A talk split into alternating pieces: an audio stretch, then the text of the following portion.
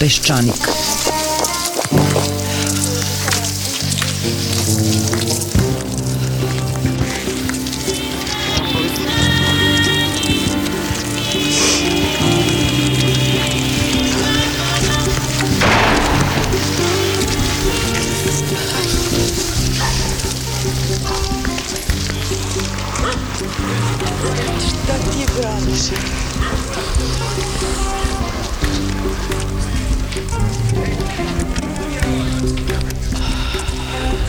Peščanik.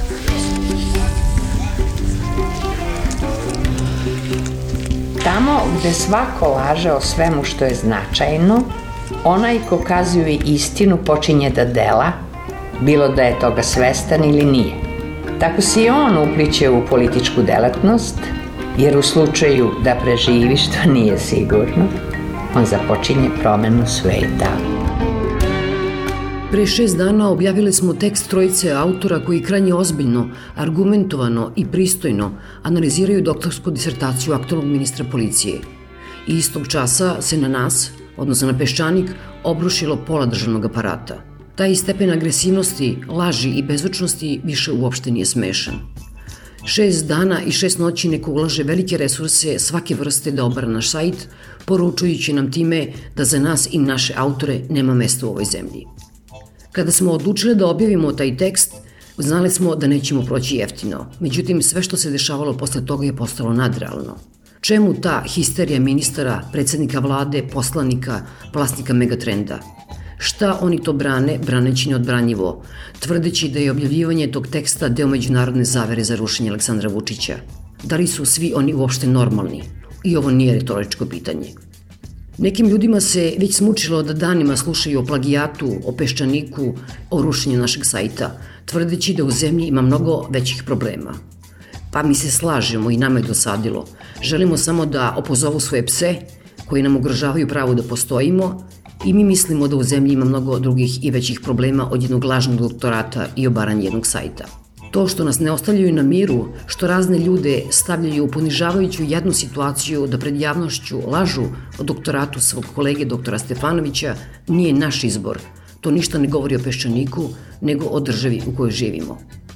Ovo najnovije ludilo ne može dobro da se završi, da se problem plagijata razrešava na mestima na kojima se takav problem razrešava, jer to niko ko ima moć i vlast u ovoj zemlji ne želi.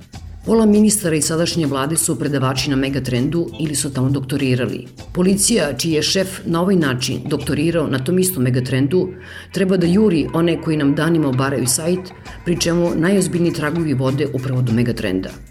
Ceo ton ovom ludilu je dao ko drugi nego predsednik vlade Aleksandar Vučić, koji je besan zbog raznih stvari, pa i zbog toga što mu OEPS i Evropska komisija ne veruju da mediji u Srbiji nisu cenzurisani, dijagonalnim čitanjem doktorata svog štićenika, naoružan diplomom pravnog fakulteta, odmah je saopštio Orbi et Urbi da je doktorat čist kao suza, pokušavajući time da svima zapuši usta i da neopterećen ode u posetu Angeli Merkel – Ovako, osim pitanja o nesvrstanoj poziciji Srbije po pitanju ukrajinske krize, nemačka kancelarka će ga propitivati i o stanju medija u Srbiji. Ne znam koliko će još dugo svet tolerisati to što naš predsednik vlade tokom jednog radnog dana malo oponaša Vladimira Putina, malo Vojislava Šešelja, a onda povremeno i nakratko Angelu Merkel i Zorana Đinđića, ali ovde u zemlji ta igranka je završena. On i njegovi saradnici satrapi sve češće posežu za agresivnošću, diskvalifikacijama i nasiljem. Kao da žele da nam jasno stave do znanja da će u buduće svako ko im nešto zameri, upita, učutkati svim sredstvima.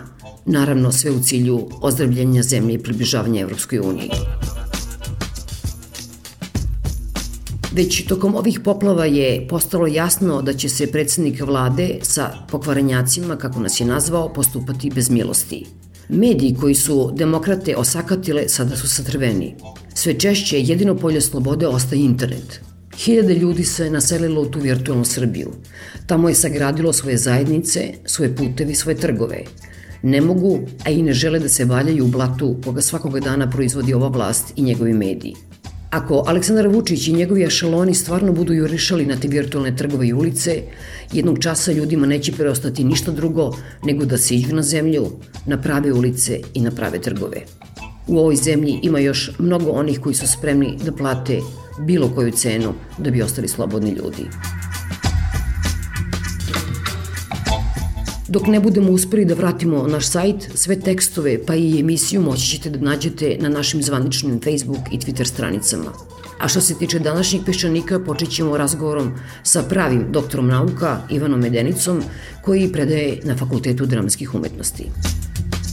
Taj ceo slučaj naravno ovaj, pokreće više, više različitih pitanja i, i dosta je složen. Recimo ako počnemo od prve reakcije ministra Verbića, na ovu aferu plagijata doktorske disertacije ministra Stefanovića, on je rekao nešto što ja inače mislim da u toj njegovoj izjavi ima i spornih stavki, ali ima i nečega što nije sporno, a to je da se u našoj zemlji nešto što je, ajde da kažem, provera kvaliteta naučnog rada, ovde u konkretnom slučaju doktorske disertacije, da je to u nadležnosti, da tako kažem, samih univerziteta, dakle ne fakulteta, nego samih univerziteta, ne postoji, da tako kažem, neki zakonski okvir za, za proveru kvaliteta, pa samim tim i originalnosti naučnog rada, mada u toj istoj izjavi ministar Verbić najavljuje da će se u nekom novom nacrtu zakona o visokom obrazovanju i to pitanje uzeti u obzir, ali dalje ne elaborira.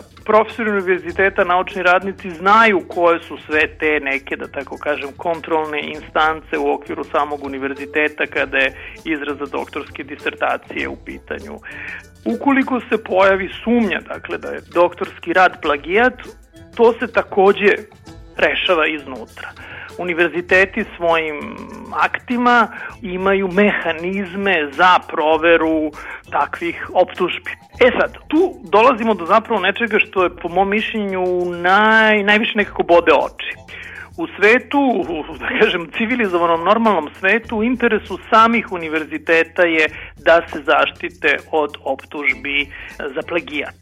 Zato što to najdirektnije ugrožava njihovu reputaciju. Ovde mi imamo obrnut slučaj, u slučaju Stefanović, a to je da Miće Jovanović, koji je, pa sad, mentor dotiče doktorske disertacije, rektor Megatrend univerziteta i valjda vlasnik ili suvlasnik Megatrend univerziteta napada kritičare Stefanovićevoga sa Stefanovićevog doktorskog rada, mada bi on prvi, da smo normalna zemlja, imao interes da organizuje adekvatnu proceduru, da se sastavi relevantna naučna komisija sa spoljnim saradnicima takođe, znači sa stručnjacima sa drugih univerziteta koja bi proverila dotične navode. U svetu to tako funkcioniše. U samom tekstu koji je objavljen na Peščaniku i koji je inicirao ceo ovaj slučaj, spominju se ta dva poznata naučno-politička skandala koja su protresla, boga mi dobrano, vladu Angele Merkel, a to je plagijat dva ministra iz njene vlade, plagijat upravo doktorske disertacije, te ministarke Anete Šavan, koja ni manje ni više bila ministar za obrazovanje i nauku, i ministra Gutenberga koji je bio ministar sličnog, da tako kažem, resora kao je naš Stefanović za odbranu. Dakle, oboje su podneli ostavku kada je utvrđeno da mm, su njihovi doktorati plagijati. Pazite, i to treba imati u vidu, mi, mi ovde govorimo da je doktorat plagijat. I u tekstu na Peščaniku se to kaže i to je važno negde istaći kao neku ipak razliku, govorimo o delovima doktorata. Vrlo je teško postići 100% plagijat, kao što je vrlo teško postići i 100% autentičnost, kao što kaže Miće Jovanović, koji kaže da je doktorat 100% originalan, 100% autentičan. Dakle, hoću da kažem, znači, u ova dva nemačka slučaja sami univerziteti su iznutra pokrenuli proceduru, motivisani vrlo sličnim, da tako kažem, razlozima, kao što je to ovde slučaj. Dakle, na nekom blogu, na nekom sajtu je neko objavio tekst u kome je iznao osnovanu sumnju. Tekst koji je izašao u Peščaniku je upravo to. Vrlo osnovana sumnja da se radi o, o plagijatu sa vrlo relevantnim dokazima. Ali to nije nešto što može da bude merodavno. Merodavno je dakle sada da se od, adekvatno naučno te, naučna komisija osnuje koja bi to proverila. Ovde naprotiv ponavljam, mi imamo potpuno suprotni slučaj, imamo slučaj napada, najstrašnije moguće diskvalifikacije peščanika, na istraživača koji su obavili ispitivanje originalnosti ovoga doktorata, da ne spominjemo naravno ono što zalazi u, u sferu kriminala, a što je obaranje sajta peščanika koje po svemu sudeći jeli, dolazi sa adresa vezanih za megatrend. Sve što Miće Jovanović navodi u javnosti kao neku odbranu Stefanovića je potpuno irelevantno. Ja sam vrlo taksativno iz različitih njegovih izjava skupljao te, te argumente. Znači, jedan argument je da na njegovoj odbrani bilo 60 ljudi i da su bile prisutni mediji. Pa šta to znači? Da su mediji i 60 ljudi koji mogu budu tetke, strine, politički prijatelji, predsednik države ili predsednik partije, su oni merodavni na odbrani da utvrde da li je to originalno ili nije originalno. Onda kaže, zbog čega se to tek sad pokreće godinu i po dana pošto je doktorat odbranjen? Pa to je relativno pristojan vremenski rok. Ministarka Šavan i to su u Nemačkoj zaista smatralo kao ipak možda jedan suviše surov e, postupak. Njen doktorat je osporen 33 godine pošto je odbranjen. Znači ona je odbranila doktorat 1980. na univerzitetu u Düsseldorfu, a mislim komisija ga je proglasila plagijatom i oduzela je doktorat u februaru 2000, e, 2013. godine. I tu se moglo nemačkim medijima reći da se prema njoj strožije postupilo nego prema izvršicima nekih drugih, a i kažem, kriminalnih dela, gde imamo onaj, onu, onu klauzulu jeli, o zastarevanju. Ali u određenim civilizovanim sredinama i posle 30 godina ovakvi problemi ne zastarevaju, onda tu godinu i po dana zaista ništa ne znači, pogotovo što da je neka komisija naučna bila pokrenuta da se taj slučaj ispita, ovaj njoj bi trebalo nekoliko meseci rada da dođe do, do zaključaka. Onda Mići Jovanović iznosi to naravno u diskvalifikaciji istraživača koji su napisali taj tekst da, da su oni tu pročitali prvih 15-20 strana, kad se pročita tekst na Peščaniku vidi se da oni navode primere plagiranja sa, iz celokupnog korpusa doktorata, znači sve do kraja doktorata sa 70-ih, 80-ih, 140-ih i tako dalje i tako dalje strana. Znači ni to ne stoji. Onda mu je argument da ne može biti plagijat naučni rad koji ima empirijsko istraživanje u sebi. Danas smo u politici pročitali tekst eh, profesorke Jeli Danice Popović da tu E od empirijskog istraživanja nema, jer kad bi to bilo empirijsko istraživanje, pogotovo što se on poziva na neke metode koje podrazumevaju kvantitativno istraživanje, tu bi moralo da bude nekih tabelarnih pregleda i neke druge naučne aparature, čega svega u ovom radu nema. I onda ide nešto da sad ne idem suviše u detalje, ovaj, gde se poziva na jednu od članova komisije, profesorku Snežanu Đorđević, koja se ogradila od tih optužbi jedina iz komisije za odbranu ove disertacije, jer navodno je i njen u optužbama stoji da je i njen tekst neki plagiran, ona kaže da se ona tih delova ne seća iz svog naučnog rada, time dakle osporava da, da je to plagijat njenog naučnog rada i pritom iznosi još nekoliko, nekoliko za mene zaista skandaloznih tvrdnji.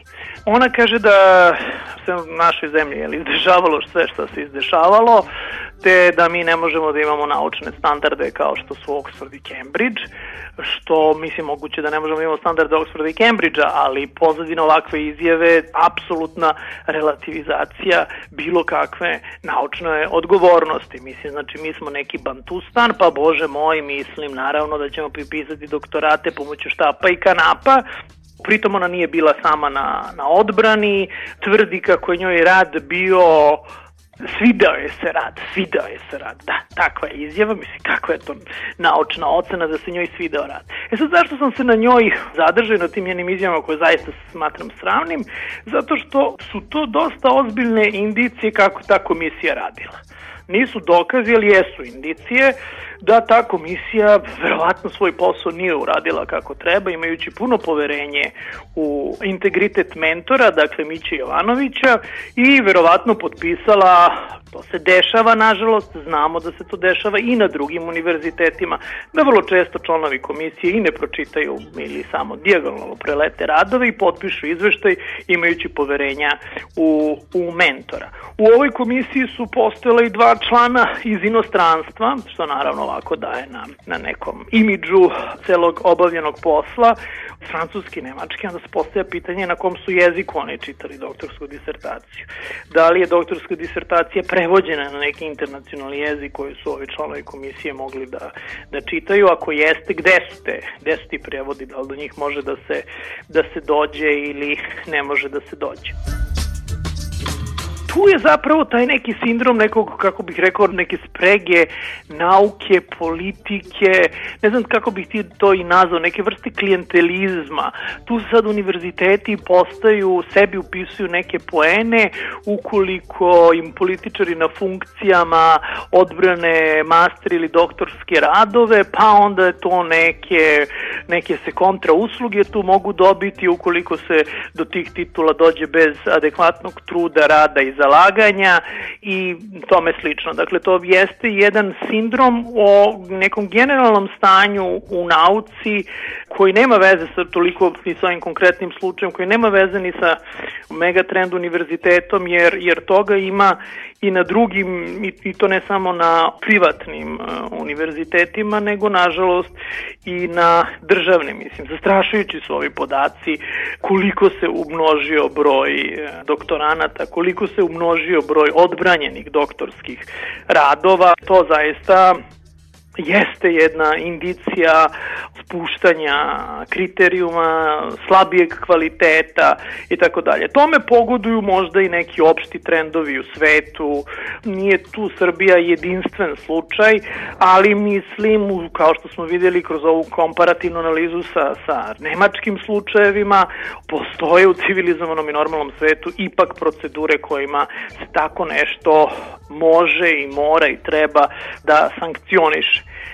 Kad smo kod sankcionisanja, nekom mi se čini da je to sad ključna stvar koja iz cele ove priče izlazi. Dakle, ukoliko se utvrdi da je reč o plagijatu, ministar Stefanović bi morao da snosi naučne, da tako kažem, akademske konsekvence, što znači gubitak doktorata, a ukoliko zaista ova vlada do te mere želi da se ugleda na ne znam, Nemačku i da, da se dopadne Nemačkoj i da ima tesnu saradnju sa Nemačkom, onda bi po analogiji trebalo da ministar Stefanović snosi političke konsekvence. A to je da podnese ostavku ili bude smenjen sa te funkcije. Naravno, mi sad možemo da čitamo ovde komentare kako je to sad postalo pitanje svih pitanja, kako ima valjda važnijih stvari u zemlji, kako mislim i on ministar policije i tako dalje, ali to ništa ne menja na stvari jer je u pitanju prevara. Prevara, krađa, plagirani delovi doktorske disertacije su, kao što i u tekstu Peščaniku stoji, naučna krađa i neko ko obavlja javnu funkciju ne može da krade i ne može se bavi tom vrstom prevara. Možda bi našoj javnosti manji problem, manji problem naučni plagijat nego ukrasti svinju, ali mislim u principu se jedno i drugo svodi na krađu i zna se kakve se sankcije za to, za to snose. Krivične neke sankcije ne postoje, naravno, u slučaju plagijata, ali kažem, postoje ove akademske, oduzimanje titule i političke sankcije, upravo ponavljam zbog toga što neko ko je sklon takvim aktivnostima nije pogodan za javnu funkciju. Dakle, kao što kažem da bi u civilizovanom svetu u interesu samog univerziteta bilo da se te sumnje otklone ili ukoliko se potvrde da budu sankcionisani oni koji su krivi, jer od toga zavisi reputacija univerziteta, a što ovde očigledno nije slučaj, jer se ta volja ne pokazuje na megatrendu, to nam ukazuje na to da megatrend ni ne živi od reputacije koju ima, nego očigledno on funkcioniše upravo na osnovu toga što ima politička ili neka druga leđa, neku, neku drugu lobističku strukturu koja njemu omogućava opstanak, funkcionisanje, širenje, zaradu i sve ostalo šta im je interes, bez obzira na to kakvu reputaciju ima. Za razliku od civilizovanog sveta u kome je utvrđivanje plagijata, doktorske disertacije nekoga na javnoj funkciji, nesporan razlog za njegov odlazak sa te funkcije. Ovde se, dakle, predsednik vlade postavlja kao drveni advokat, e, iznosi paušalne ocene, bez ikakve merodavnosti, bez ikakve upućenosti u ceo slučaj. Kada se u Nemačkoj su se dešavale, ja sam tad živio u Nemačkoj kad se ovaj drugi slučaj dešavao, to je bio dosta ozbiljan, to je bila i izborna godina, dosta ozbiljan udar na vladu Angele, Angele Merkel, pogotovo što je ministarka Šavan bila vrlo dobar ministar nauke i obrazovanja i jako blizak saradnik Angele Merkel. Jedan iz njenog naj, najužeg, najužeg tima. Na pamet nije palo da se oglašava u javnosti tako što će braniti ministarku, Iako, kao što sam rekao, je to bio nešto složeniji i diskutabilniji slučaj nego što nam izgleda da je, da je slučaj Stefanović. To je bilo više prostora za proet kontra, između ostalog i zbog te činjenice da se radi o doktoratu starom 30 godina. Dakle, mislim, podrazumevalo se da onda kada je univerzitet na konferenciji za štampu objavio da je komisija glasala tako da je utvrdila da je li to većinom glasova, da je to i to velikom većinom glasova da je to plagijat i da se doktorat oduzima. Ministarka je najavila da će tužiti i tako dalje, ali se utvrdilo da bi to bila samo mnogo veća politička šteta, a da se nikakva korist ne bi postigla i podrazumevalo se da će podveti ostavku i ona je to i uradila. Dakle, hoću da kažem, celokupna priča je, ne znam da li sam jasan, kod nas okrenuta na glavu sve je okrenuto na glavu. Tako da ja ne znam, tu očigledno postoji želja da se ministar zaštiti, s jedne strane zato da bi se time zaštitio jedan privatni univerzitet, s druge strane da bi se zaštitila jedna politička struktura, jedna partija, jedna vlada. Ta samoregulacija koja ide iznutra očigledno ne može da se očekuje ili možemo da imamo dosta osnovanu sumnju da će to biti neka farsa, neka inscenacija, a ne jedan ozbiljan rad na utvrđivanju, na utvrđivanju istine, tako da ja se jedino nadam da će neki spoljašnji pritisak kad kažem spoljašnji mislim u, u nekoliko značenja te reči, spoljašnji u smislu spoljašnji da dolazi iz neke šire naučne javnosti, koja bi morala da se pokrene po meni, dovesti do toga da procedura utvrđivanja da li je to plagijat ili ne bude relevantna i da se pokrene odmah.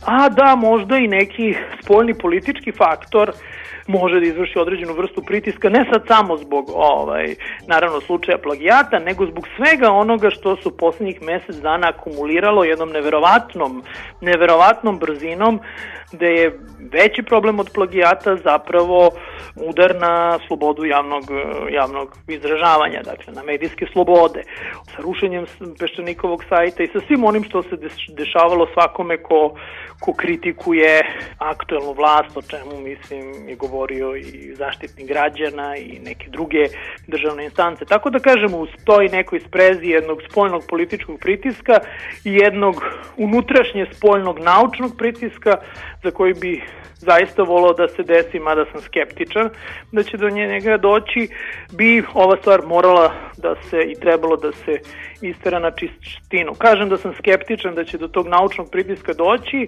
jer ta samoregulativa, da je tako nazovem, univerzitetska je deo nečega što nazivamo jeli, nezavisnošću univerziteta od države, dakle nikom ne propisuje kako ćete vi utvrđivati naučni kvalitet, plagijate i tako dalje i tako dalje ali ta čuvena nezavisnost univerziteta, pored toga što ima sve nesporne dobre strane, ima i svoje loše strane, a to je da se univerziteti iznutra vrlo često štite. To sad ovde imamo eklatantan primer sa Mićem Jovanovićem i načinom na koji on napada mesto da, da se brani, ali takvih slučajeva mislim da bi bilo i na drugim univerzitetima, pa i državnim te vrste neke unutrašnjeg skupljanja redova, kako se to već kaže, i odbrane. U nastavku današnjih pešenika čućete nekoga ko se veoma, veoma redko oglašava u javnosti. Gospođu Mirinu Miočinović, koja je inače tokom opsade Vukovara 1991. godine iz protesta napustila mesto profesora Fakulteta dramskih umetnosti. Gospođu Miočinović godinama ubeđujemo da češće govori za peščanik, sada nam je uslišila molbu i to smo shvatile kao podršku u ovom sajber ratu koji se vodi protiv nas. Razgovarali smo između ostalog o razlikama između Miloševića i Vučića, o njene tri želje za koje ne očekuje da će ih ova vlada ispuniti, o pozorišnoj umetnosti kojom se bavi, kao i o pojmu otačbinske kulture. Mirjana Mjočinović. Vidite, mislim da za ovih 25 godina nikad nisam previše se oglašavala u javnosti. Ako to i učinim, onda to radim kao ljudsko biće kome savest ne dopušta da ćuti jer na sreću nisam ni pravnik, ni ekonomist, ni sociolog, ni istoričar, ni psiholog, ni politikolog. Ne pripadam dakle profesijama koje obavezuju čoveka da kaže šta misli o svim oblicima i posledicama jednog pervertiranog načina vladanja u čijem znaku mi živimo već četvrt veka. Što se pak tiče javnog angažmana, smatram ga ljudskom obavezom nezavisno od toga da li će on uroditi plodom i nezavisno od toga koje smo profesija, po najmanje od toga da li neko za nas zna ili ne. I ti usamljenički glasove koji susrećem najčešće na stranicama danas i u rubrici Lični stav, meni uvek ulivaju veću nadu od glasova, čak i onih ljudi čiji je ugled nesporan i čije mišljenje ceni. I ti bi usamljenički glasovi jednoga dana svojom brojnošću mogli dati težinu vlastitim idealima, da citiram Friedricha Hayeka, koji izgleda i uzgled rečeno često predmet sporenja na vašem sajtu. Vidite u tom neverovatno velikom vremenskom rasponu u kojem umiru i rađaju se bar dve generacije, taj način vladanja doživljava izvesne, ali u prvom redu s polja iznuđene promene, ali njegova suština ostaje ista. Ona je bila i ostala autoritarna, a što je autoritarnost bila veća, što je bila vidljivija, on je uživala veći ugled i imala veći broj pristalica u ovoj sredini. Što će reći, uvek je bila posljedica onog što i vi i mnogi nazivaju kolektivnim izborom.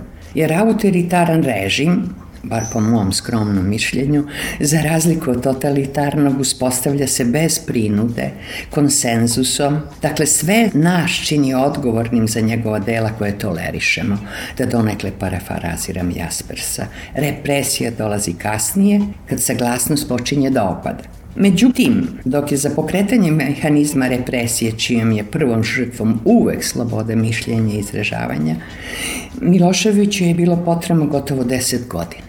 Vučiću je za to bilo dovoljno samo nekoliko meseci i on to čini u jeku svoje popularnosti.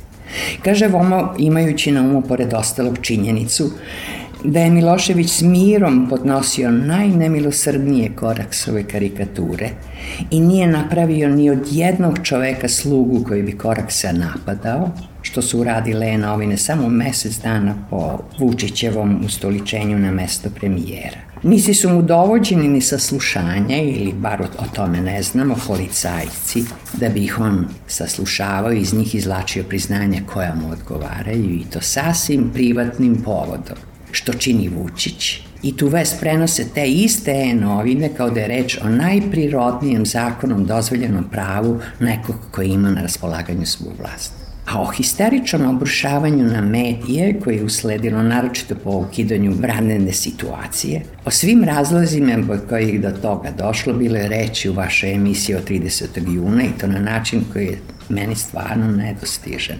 usred sređenosti, znanju i tome. Ja sam zahvaljujući toj emisiji posle svih predočenih dokaza apsolutnoj nepripremljenosti, nesposobnosti ove vlade da se izbori s nevoljama kad zade se zemlju i koje to je svoju nesposobnost želi žestokom cenzurom da prikrije, shvatila da nije reč samo o nesposobnosti, već o manjku pameti i to kolosalno manjku pameti da se poslužimo ovim oksimoronom koji će ubrzo nju samo ugroziti, bar se ja tome nadam.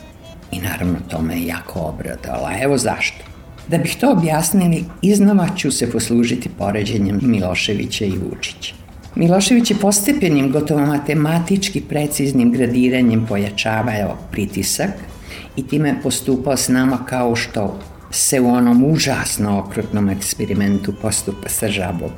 Kao što znate, žaba se stavi u sud s vodom koja se polako zagreva da bi se dovela do ključanja, a jedna životinja skuva bez jednog znaka opiranja.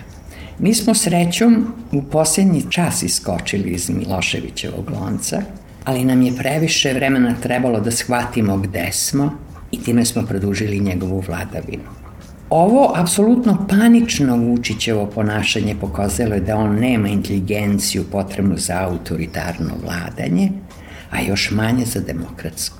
Sve što se videlo za ove dve poslednje nedelje ličilo na farsu i bijevskih razmera, u kojoj je on glavni protagonist, a pošto je ta farsa bila izvedena na fonu istinske ljudske drame, onda je to moglo otrezniti u doslovnom i prednosnom smislu velik broj njegovih privrženika, osim onih iz e-novina naravno.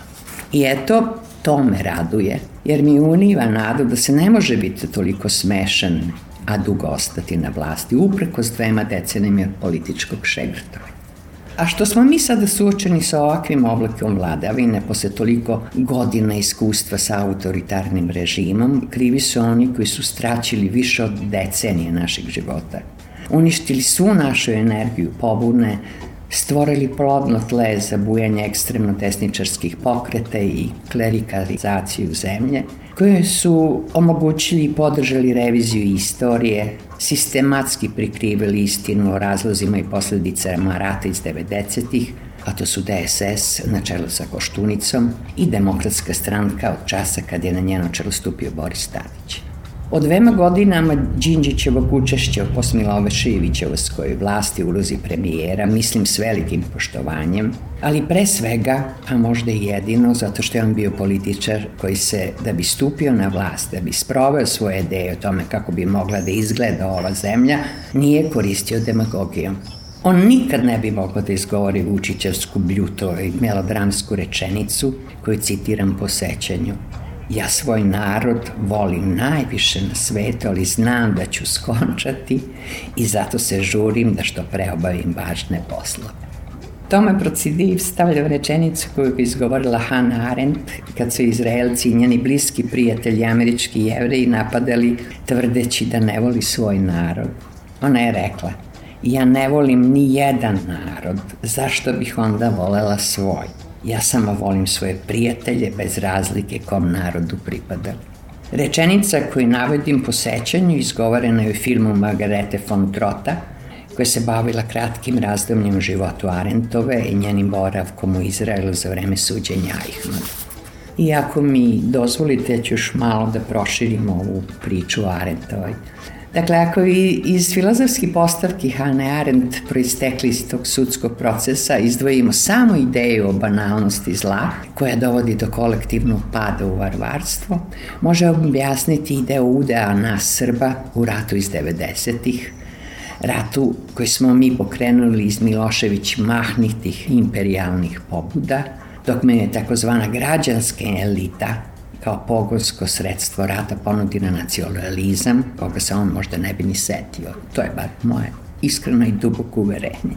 Naime, hoću da kažem da u svom komunističkom ideološkom arsenalu on je mogao pronaći neke druge motive koji bi možda doveli do istih posledica, ali iza njega ne bi bar ostalo ovo nacionalističko nasledđe. Time hoću da kažem da nacionalizam nije bila njegova ideologija, Ona je bila samo ulje za podmazivanje njegove ratne mašinerije. Ta ideologija je bila teme radikalske politike, SPO-a, DSS-a, a u krajnjoj liniji da demokratske stranke. Dobro se sećam da je Mićinović početkom 91. kad je bio na čelu demokratske stranke rekao, citiram, da treba da definišemo naše ratne ciljeve. A činjenica je da je njegova tada partija bila u opoziciji, Dakle, ta činjenica pokazuje da je razlika između njega i Miloševića bila samo u različitim pogledanjem na takozvane ratne ciljeve. Ovim hoću da kažem da je post-oktobarska promena bila i dalje zasnovana na nacionalističkim temeljima. Đinđić je bio samo dovoljno mudar političar da shvati da je nacionalizam opasan temelj društva i da je on opasan ne samo po okolne rane, već i uništava i naciju koja je njima zahvaćena. Nije nažalost stigao da ubedi druge u tu notornu istinu i to ga je koštalo glavu. Mi smo dakle deset godina bili u rukama nacionalista koji su se izdavali za demokrate. Nažalost, Građanski savez, jedina partija koja imala jasan antiratni program, na koja nije bilo ni traga nacionalističke grundfarbe, nikada nije dospela do ozbiljne političke uloge u društvu i njeno nesmotreno utapanje u LDP, jednu političko-menadžersku korporaciju uništile sve šanse da dođe do dekontaminacije tih temelja na kojima već četvrt veka počiva naša zvanična politika, s tim što sad dobije i groteskna obiležja. Ja bih od te nove vlade očekivala ono što znam da bi bilo teško ostvarivo, a to je da ima uvid u stvarne prioritete ove zemlje. Dakle, da ne gradi Beograd na vodi, to arhitektonsko i urbanističko čudovište i to ne samo sada nego nikad u budućnosti, već da sredi najpre predgrađa tog grada koja liči na brazilske falvele bez vode i bez kanalizacije, da shvati da se najveće mogućnosti, bar po mom uverenju, ovi zemlje nalaze u poljoprivredi, da najskromnija industrija ne može da postoji bez infrastrukture i da ne pravi automobile sve dok ne napravi putile koji će se ovi voziti i izvoziti. Da sredivši sve ovo, omogući novac za besplatno školovanje i to takvo ko će u deci razviti želju za znanjem, za potvrđivanjem putem znanja, a ne uz pomoć krađe tuđeg znanja i truda.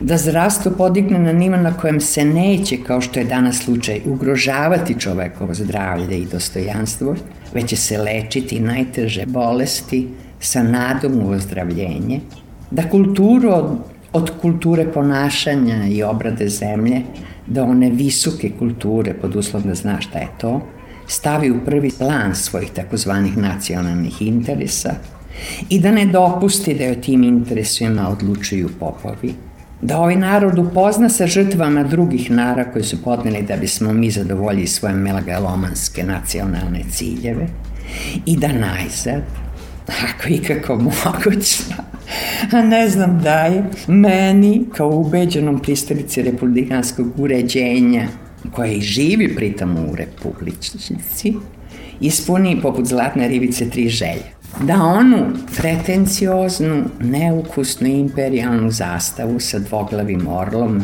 i onom ogromnom kruvenom koji imitira žeženo zlato i sve uskupno liči na zastav iz nekih pompijerskih opereta, zameni trobojkom, bez ikakvih obeležja i njoj prilagodi državnu himnu, i konačno izmesti iz dvorca, to je glavna moja želja, pored ostalo, držeći se svih pravila humanitarnog preseljenja onog smešnog pretendenta na presto i od dvorca napravi otvoren muzej, čiji on neće biti ne samo vlasnik, no ni vodič u njemu. Dakle, na početku mog teksta o pozorištu doba francuske revolucije pod naslovom Pozorište i giljotina nalazi se kao moto jedna rečenica Louis Sebastiana Mercier, plodnog francuskog pisca iz 18. veka, vrlo bliskog idejama Diderota, koja glasi Pozorište je najjače i najbrže sredstvo da se nesavladivo oboružaju snage razuma i da se odjednom ubaci velika masa svetlosti u jedan narod. Rečenice iz njegove studije o pozorištu ili novo ogled o dramskoj umetnosti iz 1773. I videli iko ikakvu sličnost ove Mersijeve ideje o oluzi pozorište u društvu sa onim što mi danas imamo u našem pozorištu i sa onim što mi uopšte kao gledosi očekujemo od njega. Naravno da se ne može vidjeti.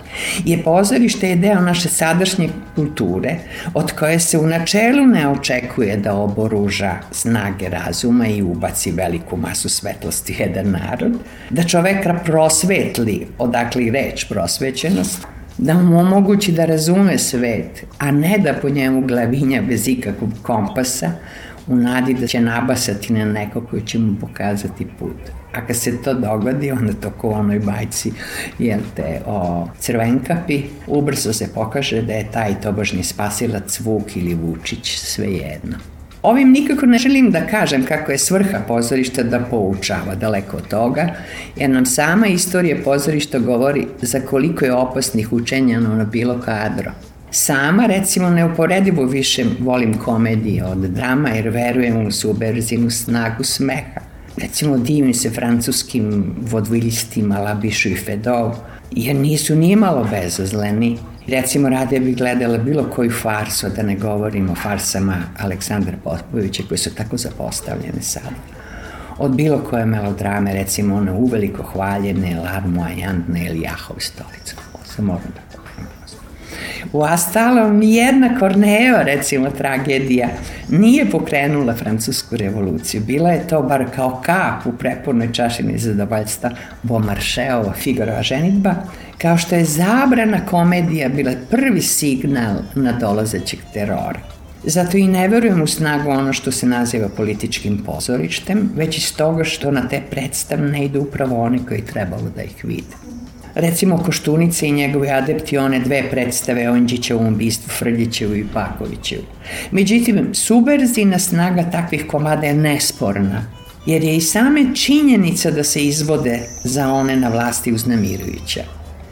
Zbog Frljićeve predstave i samo zbog nje jedan odličan reditelj i mudar pozorišni organizator Kokar Mladenović smenjen je s upravničkog mesta u atelju 212, da bi se to pozorište ubrzo pretvorilo u mesto stvarno najgore glumačkog kabotenstva, po čije se meri kroji i repertoar te kuće. Mi Pri svem tom imamo vrlo darovitih dramskih ficata mlađe i srednje generacije, naročito među ženama, ali sad ne bih da ih nabrajam zbog neizbežne subjektivnosti svog izbora koja može nekog povrediti. Što se tiče odnosa između kulture i politike u Srbiji u potreka tri decenije, on ima nekoliko etapa usklađenih s promenama političke situacije. Sada za ovu priliku napravit ću grubu podelenu tri epohe. Miloševićevsku, demokratsko-DSS-ovsku i socijalističko-naprednjačku u prvoj Miloševićevskoj postala je određena kulturna strategija jer je kultura bila plodno tle za indoktrinaciju, ne ideološku u pravom smislu, već čisto proratne. Kada se uželi da se pridobije što širi krug ljudi opasno poigravalo takozvanim nacionalnim osjećanjima, Kad se započelo preko pozorišta pre svega s rehabilitacijom kolaboracionista, sa rehabilitacijom monarhije, s kultom pravoslavlja i kultom krvi i tla, da bi se neposredno po završetku rata 1995. onako Potemkinovski prekrečire bar za kratko vreme njegove užasne posledice i krenulo s parolom koja bi pre priličila starim socijalističkim vremenima glasila je s kulturnom je lepše. Ta restauratorska šminkanja nisu međutim davala nikakve rezultate, naprotiv. Ostale samo vidljive ruševine institucija kulture i krhotine relativno čvrstog vrednostnog sistema izgrađenog u dvema decenijama komunističke vladavine od 1960. do 1980. Recimo, znamo da je kultura u prvoj post Miloševićevskoj deceniji bila predata u ruke demokrate i njihovih kolecijalnih partnera iz G17+, koje nisu, dakle, te dve partije zagadile baš totalno desničarskim idejama tu kulturu, to zagađivanje prepustili su DSS-u i tako ga prebacila na šire društveno polje, ali su zato potpuno zapustili kulturu bili ravnodušni prema njoj i dopustili njeno potpuno urušavanje. A danas on je konačno rukama desničara. Sadašnji ministar kulture i informisanja, gospodin Tasovac, on je stvarno ekstravagantan, poput kakvog dadaiste, zapravo je tipičan primer naše takozvane visoke buržuazije, preambiciozan i strašljiv. I suprotno svih očekivanja nesposoban da odvoji važno od nevažnog, vredno od bezvrednog, kič od pravih vrednosti. Njegova je ličnost samo isti mah uglađena i razbarušena fasada za desničarski prostakl. A već u njegovom podaničkom odnosu koji najviše dolazi do izražaja u drugoj sferi njegovih ministarskih nadležnosti, sferi informisanja, i da ne govorim. Uzgred, htela bi da vas pritam kako to nikako da pokvarite ovaj kvar na vašem sajtu, kako ovaj veliki majstor zamajavanja vama predložio.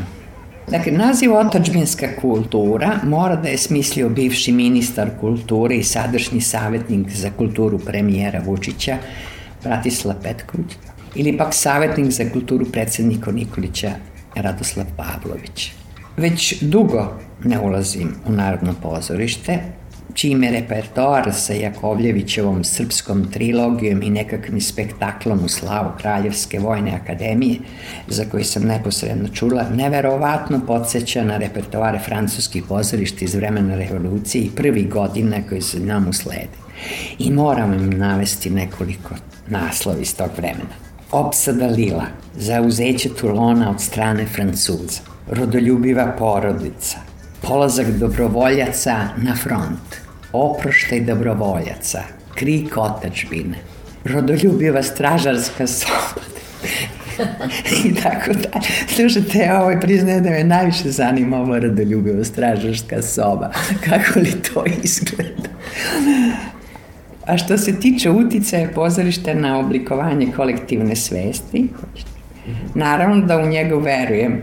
Pozorište može da udari toliku dozu gluposti u ljudske glavi iz ovih je godina i ulivalo, da bih rado stavila katanac na vrata, ne samo nekih televizija, već i nekih pozorišta ili bih prosto istorijske komade zamenila vodviljom.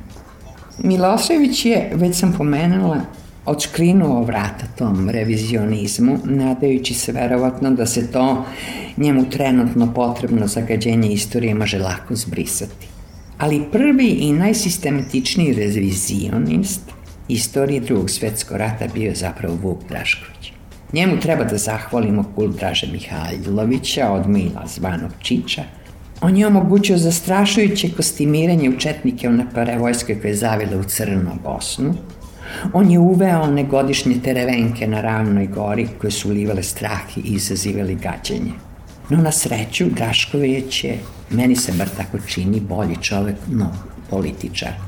Sagledavši pokupne posledice svog revizionizma, on se povukao možda sa žaljenjem, slično gospodinu Giljotenu koji se zgrozio na svojim giljotinom i smatrao ga kako navode podaci iz istorije, najvećom mrljom u svom životu. A u kom će pravču ići obeležavanje 100 godina od početka Prvog svetskog rata, stvarno ne znam. U njemu ostalo nema tih ideoloških sporova koji bi mogli povući za sobom i reviziju. Ali će zato figura nesvećnog Gavrila Principa da biti sigurno predmet sporenja, a poplava obrava te teme Sarajevskog atentata po meni preliče teškim uljem i zadagaditi te zanose, nade i patnje, kako god ih nazovemo, tih mladih pogunjenika.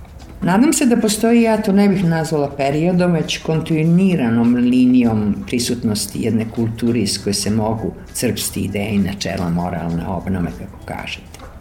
Od 19. veka pa do dana današnjeg, da samo to vreme uzmemo u obzir, moguće se naći ti tako pomalo lirski patetično rečeno luteći plamenovi koji mogu osvetliti i prosvetliti ovu moralnu postojlinu u kojoj sada živimo. I ne vidim da se oni moraju bez ostatka povezati isključivo sa građanskom kulturom, jer iz te kulture izrodila se toliko gadosti da je ne treba davati bezrezervnu hvalu.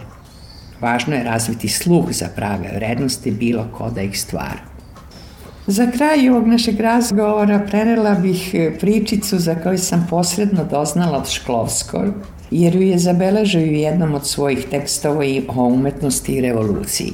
Smatram je veselom i poučnom i vrlo korisnom za popravljanje naše nadmene naravi, o kojoj nismo došli na red da govorimo ovom prilikom, iako je ona bitno odredila našu istoriju.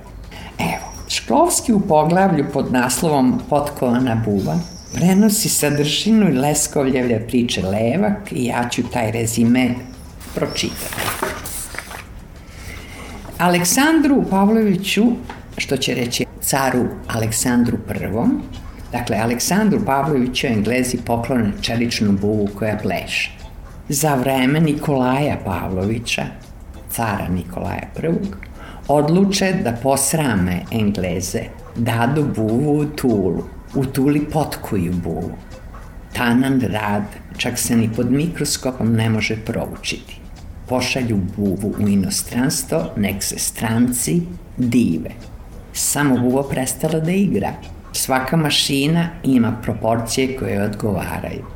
Englezi se silno divili tananom radu, ali shvatili, ne znaju ljudi tablicu množenja.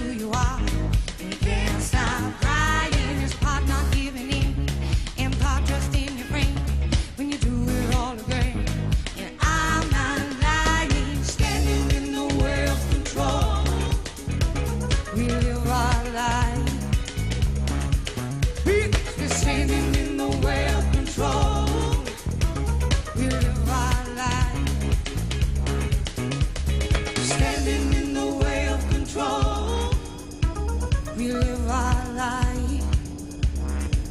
Because we're standing in the way of control.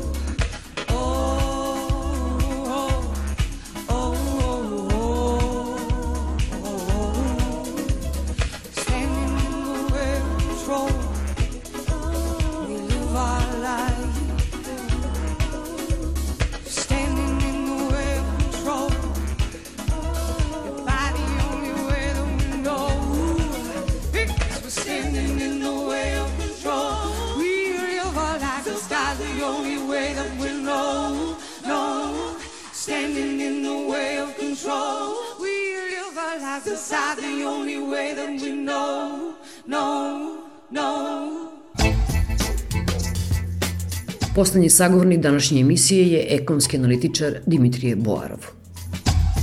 Po mom mišljenju, ove poplave ne bi trebalo da budu iskorišćene za odlaganje reformi, bez obzira što ja ne pocenjujem veličinu šteta i nesreće koja je snašla dobar deo Srbije. Jer ako se setimo tog famoznog ekspozea novog premijera, reforme su došle na dnevni red zbog toga što se više ne mogu odlagati. Prema tome, tim pre što imamo ovaj udar velikih ekonomskih šteta od poplava, koje će se reflektovati i u BDP-u, ali ne mnogo, za 1 do 2%, možda nekog minusa, mada ni to nije sigurno, jer poplave na izvestan način sa tim paradoksalnim efektom piramida mogu da ožive privrednu aktivnost ukoliko pomoć sa strane bude adekvatna i pokrene neke sektore, pogotovo građevinarstvo, na dodatnu aktivnost. Prema tome, poplave ja ne vidim da mogu biti razlog da se ova godina smatra izgubljenom za reforme ili izgubljenom za štednju. Naravno, štednja ne znači nigde ne trošiti. Kuće se moraju izgraditi, ljudi se moraju skloniti pre zime, ali to znači samo da se mora još strožije štedeti na nekim drugim sektorima. Drugi problem sa reformama je onaj očekivani. Vlada svojim postavljanjem u slučaju tih poplava i nizu drugih slučajeva, mi i nažalost smo bombardovani iz nedelje u nedelju raznim aferama. I to mi se čini ponekad aferama koje nemaju neku širu i dublju osnovu, ali vlada pravi jednu nervozu u društvu, a takozvane bolne reforme ne mogu se izvesti ukoliko postoji elementarna nervoza u samoj vladi. Ako vlada nizom svojih gestova pokazuje nesigurnost, onda i kredibilitet reformi pada i onda ljudi nisu spremni na odricanje zarad neke bolje budućnosti. Jednostavno nemate poverenja u neku vladu koja ima aferu sa premijerovim sinom, pa to u nedelju dana okupira čitavu javnost. Mene posebno tu iznenađuje da postoji niz indikacija da sad je neka bitka za pročišćavanje policije policijski sistem je značajan faktor i u vezi sa privrednim reformama. Ako vi niste sigurni u policijski sustav, što bi rekli naši Hrvati, znači nesigurni ste.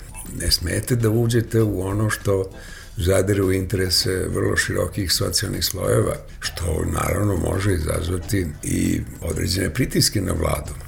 Tako da mi se u ovom trenutku čini da bi trebalo ono što se u futbolu kaže stati na loptu, videti šta je šta i početi sa dimenzionisanjem stvari.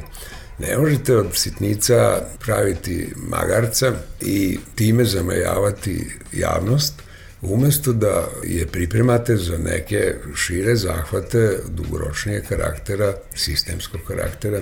Tako da u tom smislu opet mi se čini da i to ide protiv reformskih poteza. I naravno treća stvar koja mene posebno zabrinjava To je taj razvoj međunarodne situacije u vezi sa ukrajinskom krizom, zaoštravanja u tim osnovnim relacijama između velikih sila i to će imati direktne reperkusije i na ekonomske planove u Srbiji.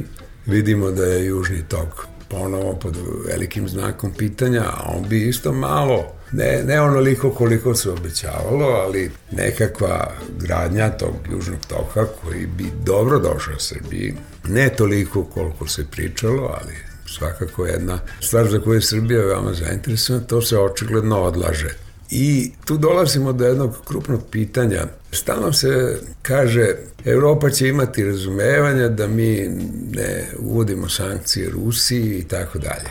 Ne radi se tu o nekim psihološko-političkim potezima, nego o suštinskim potezima.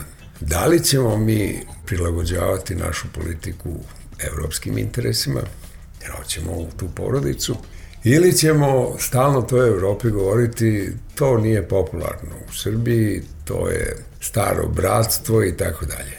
Ne radi se tu o bratstvu, nego o interesima. A kad su u pitanju krupni interesi i zaokret Srbije prema evropskoj porodici, onda naš ministar inostranih poslova ne može da daje kafanske izjave tipa kad nas prime u EU, onda ćemo slušati.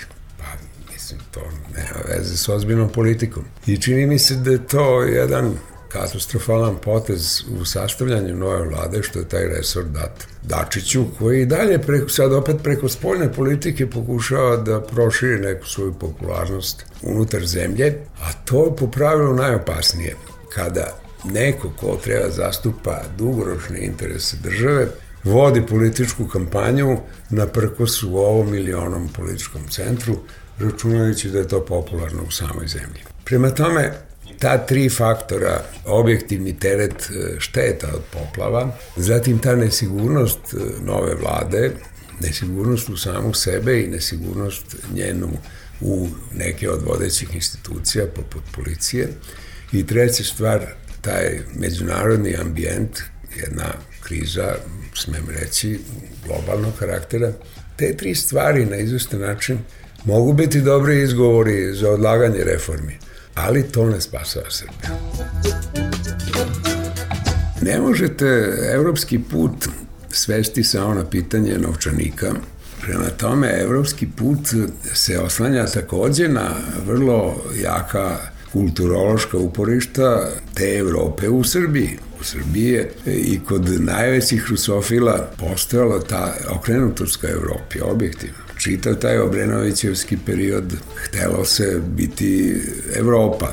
Nije slučajno poslednja kafana u Srbiji dobijala naziv Evropa. Nisu to sve bile samo kafane Moskva.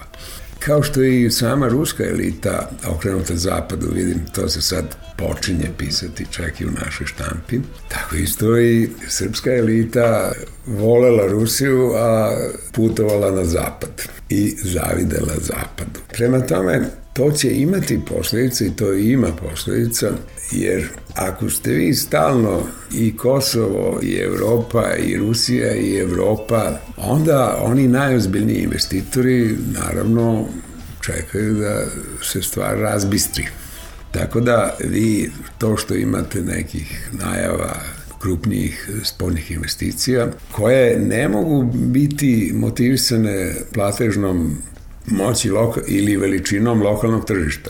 Kad vi imate tržište kao Kina od milijardu i 200-300 miliona, onda nikog ne zanima kakav je tu režim, već da li možete prodati robu na tako ogromnom tržištu. U slučaju Srbije, ona je atraktivna pre svega, trebalo bi da bude atraktivna zbog niskih troškova zemljišta, zbog saobraćajne blizine, zbog mogućnosti da se odatle distribuira roba u jednom regionu koji je dosta velik. Znači, samo takvi investitori planiraju da ulažu u Srbiju.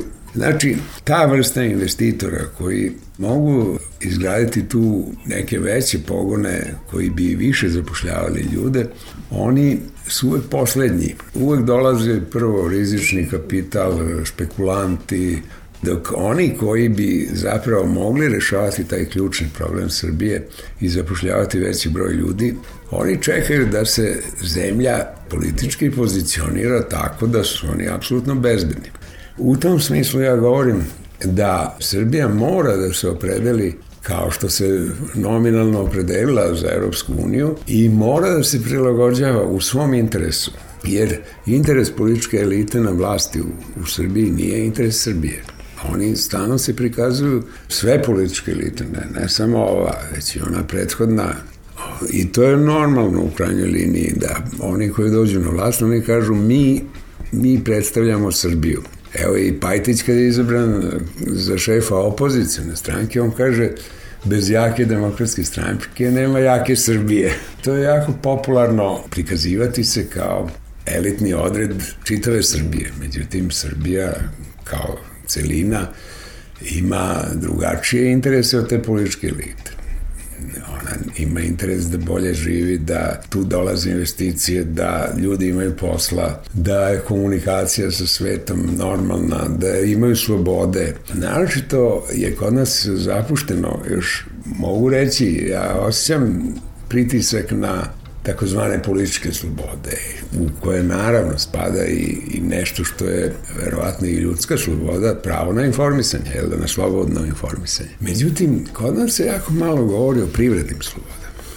Sve je predviđeno da se oni koji hoće da iskoriste privredne slobode koje nominalno postoje u Ustavu, da se oni oglobe što više. Čekajte, mnogo je veći fiskalni interes da ti ljudi počnu da rade i da godinama plaćaju nešto niže dažbine nego da se oni dočekaju još sa raznim taksama i sa 16 dozvola raznih koje po pravilu moraju da isposluju i korupciju prvi snimci sa nešto premijer helikopterom deli nešto džakove ili šta ja znam, ne sam se tačno. Već sam taj detalj je pokazao da su oni neiskusni. Niko se, nijedan političar u svetu se nije proslavio na poplavama i na, ne, na katastrofama. A oni su valjda mislili da će se tu afirmisati nekim energičnim nom borbom za tu sirotinju koja je stradala. Međutim, nema te države na svetu od, od Meksičkog zaliva do Kine i od Rusije do Nemačke čak. Nema te političke elite koja se proslavila u takvim vremenima. Tako da tu je prvo se pokazalo na iskustvo vlade. I oni su krenuli da tu uhvate neke rejtinge ili već kako se to zove, a posle su shvatili da je problem mnogo ozbiljan i da tu se ne mogu proslaviti. Bez obzira na propagandu koju su disperzirali na sve strane. Druga stvar, sama država, to je već rečeno, Država koja ima nisku stopu rasta, koja ima visoku stopu siromaštva, koja je prezadužena, koja je s slabim političkim institucijama, sa lošom železnicom, sa lošim drumovima, ona nema snage da munjevito, adekvatno reaguje ni u katastrofama. To je prosto jedna elementarna logika. Treća stvar, kod e, vodoprivrede, ja smem reći, pošto u Vojvodini sam to proučavao na neki način i bavio se čak e, istorijom vodoprivrede u Vojvodini, Uzgrebu rečeno, postoji teza da je Vojvodinu je stvorila vodoprivreda, jel da? Vodne zadruge, vodne zajednice su stvorile Vojvodinu. To je, ko zna malo bolje vojvođansku istoriju, to je u krajnjoj liniji činjenica. Tu treba znanja. I znanja i kapitala. I vremena. I bojim se da to što voda sad stoji još uvek po ogromnim površinama Srbije pokazuje da nema dovoljno ni znanja. To što je elektroprivreda dozvolila da ju se potope površinski kopovi, to je elementarno da površinski kopovi se moraju štititi pre svega hidrotehničkim merama. To je alfa i omega zaštite površinskih tokova. Prema tome, mislim da je tu Vojvodina vode, Vojvodina tu ima veće iskustvo, duže iskustvo, Pazite, sad spominjao sam tu dugu istoriju vodoprivrede u Vojvodini, koja je nekad bila deo Ugarske u, u okviru Austro-Ugarske. U Mađarskoj je donet prvi zakon 1826. A recimo 1869. godine je katastrofalna poplava uništila Segedin. Bez obzira što su postojale i zakonske obaveze i krediti i radilo se na nasipima oko Segedina, Znači, nije struka e, našla adekvatno rešenje. Ili ceo taj e, sliv Tise, vodoplavni deo oko Tise, Tu su se vodile decenijama velike rasprave kako regulisati Tisu. Ona je da li sa 111 proseka tih meandera ili drugačije s nekim akumulacijama, da li treba isušivati ritove, ne treba isušivati. Znači, vođene su vrlo rafinirane i vrlo stručno utemeljene rasprave 100 godina i paralelno se stalno radilo i ulagalo.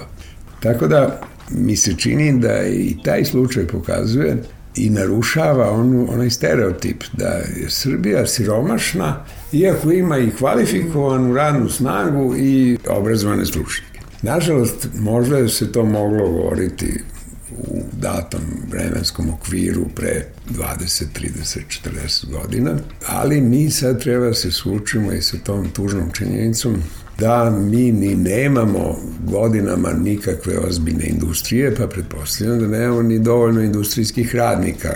A još je, čini mi se, veći problem što je jedan deo tih i mlađih i ljudi srednje generacije iz tehnokratske elite otišao u inostranstvo ili prešao da se bavi show biznisom, PR-om ili politikom a napustio svoje osnovno zanimanje. Tako da Srbija mora da se suoči s činjenicom da nema dovoljno znanja. Svaki šef države ima pravo da se dere na svoje saradnike. Ja pretpostavljam da se i Obama i Merkelova i Putin viču na članove vlade, psuju i tako dalje. Ali se postavlja pitanje zašto je to pušteno u javnost.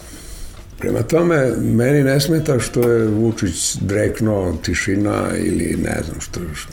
To je njihov problem kako se on odnosi prema ministru. To nije društveni problem. Društveni problem postaje onog trenutka kada njegova PR služba za koju je on odgovoran smatra da je to potrebno da se plasira u javnost.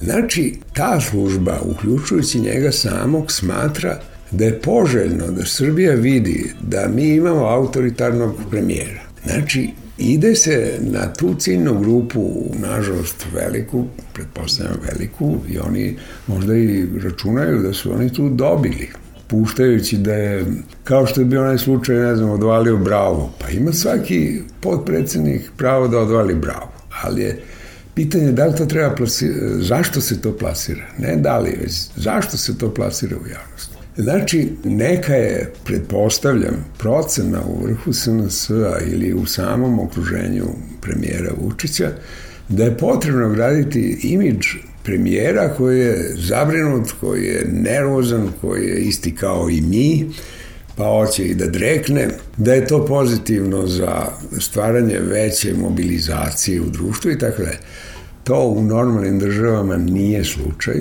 Ne znam čemu to vodi, jer na kraju će i taj premijer, čak i ako nije autoritaran, na kraju će kazati, pa evo, od mene se to očekuje, pa moram biti autoritaran.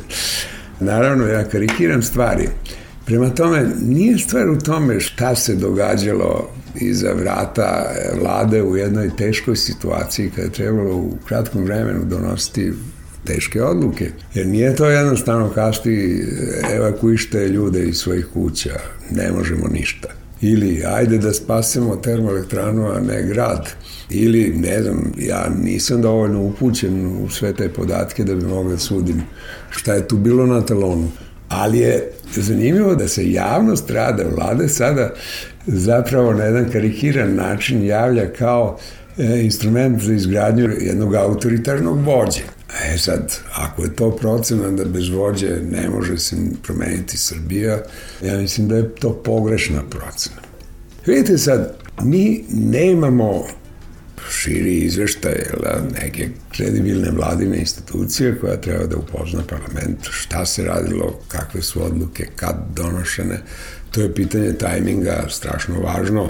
Možda je doneta neka pogrešna odluka, ali ja moram znati okolnosti šta su oni koji odlučuju tog trenutka znali, šta je bila alternativa, a to opet ta tehnostruktura treba da im ponudi. Međutim, pošto nemate demokratsku atmosferu, nemate demokratsku atmosferu unutar medijskog sistema u suštini. Ali ja bih voleo kad bi neko ko je stručan bez zazora mogao da iznese svoje mišljenje šta je trebalo raditi, pa onda da mu neki stručnjak koji je tamo bio involviran kaže jeste kolega, ali mi nismo ovo mogli, nismo ovo znali, nismo ovim raspolagali i tako dalje. Međutim, toga nema. Tako da onda uzme neke političke stranke, to malo patrlci opozicije, pa oni nešto lupaju, vi ste upropastili. To je politički jezik koji može doći tek nakon neke ozbiljne stručne rasprave. S jedne strane se taje, mi nemamo još nikakve ozbiljne podatke o tome iz sata u sat kako se menjala situacija. Nemaju ni ti stručnjaci koji bi trebalo to da analiziraju, ali te atmosfere nema i onda ostaje samo mi i oni. Predsednik Nikolić kaže država odlično reagovala, kako odlično kad je 20.000 ljudi van kuće. Ne može kazati odlično, već može da kaže da država je bila prinuđena na neke mere koje ugrožavaju život hiljadama ljudi, ali ne može kaže odlično. Čula sam premijera Vučića kaže Ja sam zadovoljna kako je vlada reagovala i nabraja određeni ministre, evo na primjer ministar Udovičić koji je doveo 100 volontera. Pa ne, mislim, ne možeš tom argumentacijom da pa to je neozbiljno, mislim. Vidite, ne može, mislim, kriterijum efikasnosti, borbenosti ministra je kod nas da li je vešto dao izjavu, da li je za suku rukave, da li je na fotografijama dovoljno pokisao i tako dalje. To je daleko od onoga što je uloga državnih funkcionera u kriznim situacijama. Ali očigledno ta obsesija traganja za popularnošću, znači stratifikacije jedne vlasti zasnovane na popularnosti, to je put u autoritarnu vlast. Nema, kad se demokratija tako shvati, ajde da iskoristimo medijski sistem da propagiramo svoju požrtvovanost, a ne znanje, onda to vodi u jedan sistem voluntarnog odlučivanja i onda ko je veštiji pred kamerom, ko je odlučniji, ko je zagazio više u vodu, taj ispada nekako efikasniji. Tako se ne rešavaju krupna pitanja. Bio ovo još jedan peščanik, govorili su Ivan Medenica, Mirina Mijočinović i Dimitrije Boarov. Pozdravljaju vas Svetlana Vuković i Svetlana Lukić. Doviđenja. Peščanik.